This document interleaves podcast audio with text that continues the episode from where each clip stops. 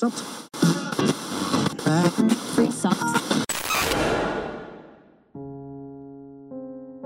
halo semuanya, lo semua lagi dengerin gue, Giri Ardian. Gimana kabarnya? Gue harap baik-baik aja. Gue harap juga hubungan kalian makin sehat setelah lebih dari 50 episode dengerin podcast-podcast kayak gini. Dan gue juga harap buat yang belum punya pasangan bisa makin mudah atau seenggaknya makin ngerti lah harus ngapain untuk bisa dapat pasangan, untuk bisa deket sama jodohnya. Dan gue harap juga banyak yang bisa diimprove untuk diri kalian sendiri karena pada akhirnya meskipun kita selama ini lebih banyak ngomongin soal hubungan, intinya adalah gue pengen ngomong untuk lo jangan berhenti belajar, terus juga makin paham dulu nih diri lo sendiri, cinta dulu sama diri lo supaya nantinya begitu lo punya pasangan, lo bisa bisa lebih apa ya ibaratnya bisa lebih baik lah ngejalaninnya gitu. Karena meskipun selama ini kita banyak ngomongin soal hubungan gue rasa pada akhirnya balik ke diri sendiri gitu loh. Balik ke kebaikan diri kita sendiri gitu karena memang kita ngejalin hubungan untuk untuk apa ya ibaratnya untuk melengkapi hidup kita juga kan. Jadi balik ke diri sendiri juga. Jadi kalau misalnya ngomongin soal podcast selama ini, meskipun kebanyakan ngomongin soal hubungan, gue pengen kalian juga ngerti bahwa diri kalian tuh perlu belajar banyak hal yang selama ini nggak nggak pernah ada di sekolahan gitu, nggak pernah disuapin ke kita sendiri gitu. Kita perlu mencari tahu, kita perlu menggali, kita perlu mengobservasi sendiri gitu. Sama kayak apa yang lo lakuin selama ini, gue selalu sebenarnya lo dengerin podcast gue meskipun kadang gue sendiri kerasa kayak wah sebenarnya gue ngomong apa sih? gitu. Nggak kok gue observasi. Semoga banyak hal baik yang bisa diambil sejauh ini ya. Nah gue tuh uh, kalau misalnya buat podcast kan mut-mutan. Ini gue lagi megang buku gue. Gue baru sadar bahwa uh, wah ini udah udah setahun ya gue terbitin buku hal yang paling sia-sia gitu Iya kayak kalau nggak salah bulan September deh, gue lupa sih. Cuman gue rasa kalau nggak salah ini udah setahun gitu. Terus gue jadi baca-baca lagi buku gue, gue jadi ngerasa, wow, beneran nih setahun yang lalu gue bisa nulis kayak gini. Gue gue jadi gue jadi heran sama diri gue sendiri gitu. Wah, keren juga lo Ger. Gitu gue pengen ngomong gitu tuh gak sih? So basically gue hari ini pengen ngomong, eh bukan ngomong, gue pengen mengutip omongan gue setahun yang lalu yang gue tulis di hal yang paling sia-sia. Buat yang belum uh, beli bukunya atau baca bukunya, ini kayak sneak peek bisa dibilang gitu. Cuman uh, gue pengen nyampein lebih banyak aja berkaitan sama apa aja yang gue bahas di bab-bab pada buku itu gitu.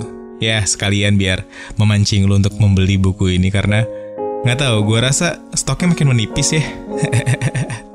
Jadi kalau misalnya mau beli buruan dari sekarang.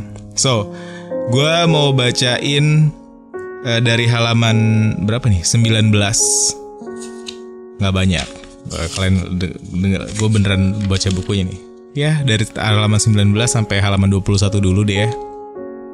Ini dari bab judulnya melupakan merelakan. So enjoy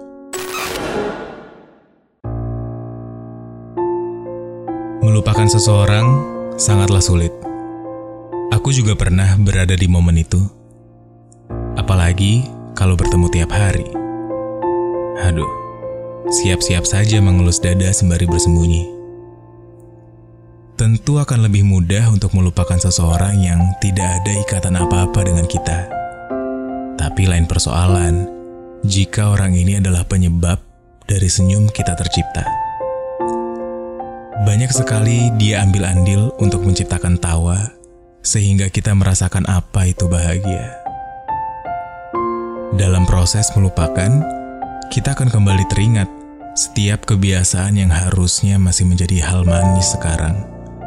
Seakan dibuat percaya bahwa mesin waktu benar ada, tapi hanya ada di kepala kita. Orang lain tidak tahu bagaimana hanya dengan melihat bunga yang kini layu sisa pemberiannya dulu, Kalau ulang tahun, wisuda, atau sekadar pemanis di tanggal jadian, kita seperti dibawa masuk ke lorong waktu yang mengantarkan kita pada senyumnya, pada tingkah konyolnya, pada saat pertama kali dia melakukan hal yang meluluh lantakkan hati kita. Sayangnya, mesin waktu ini belum tercipta dengan sempurna.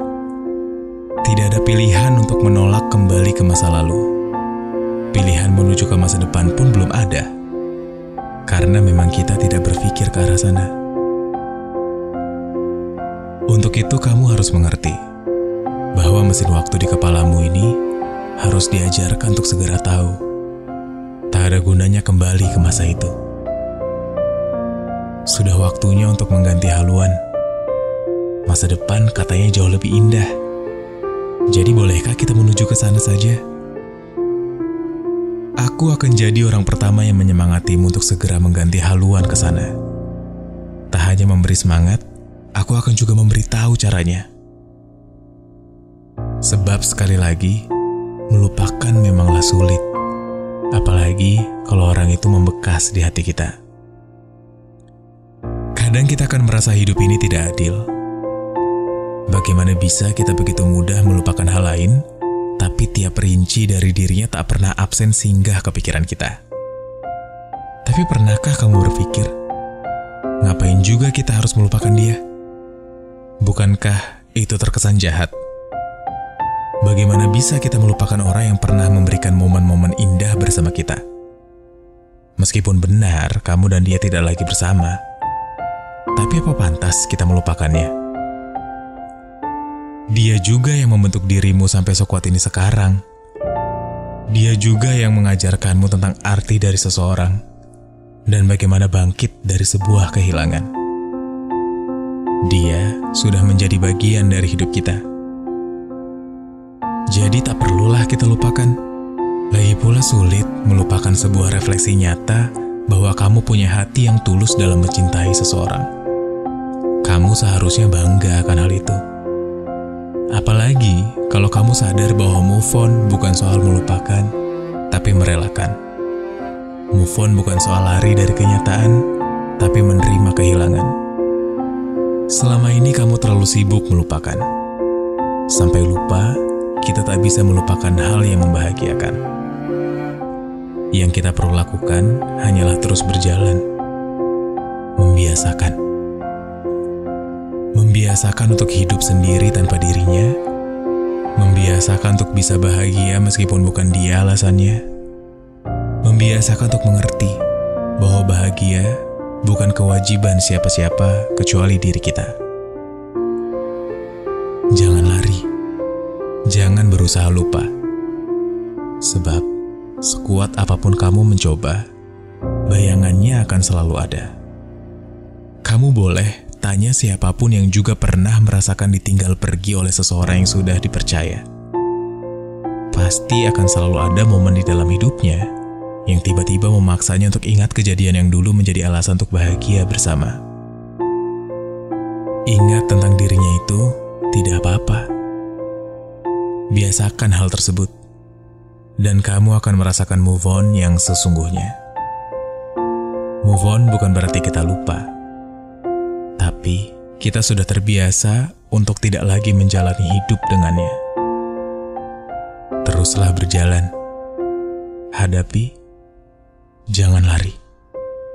Sampai kamu berada di titik di saat mendengar namanya, hatimu biasa saja.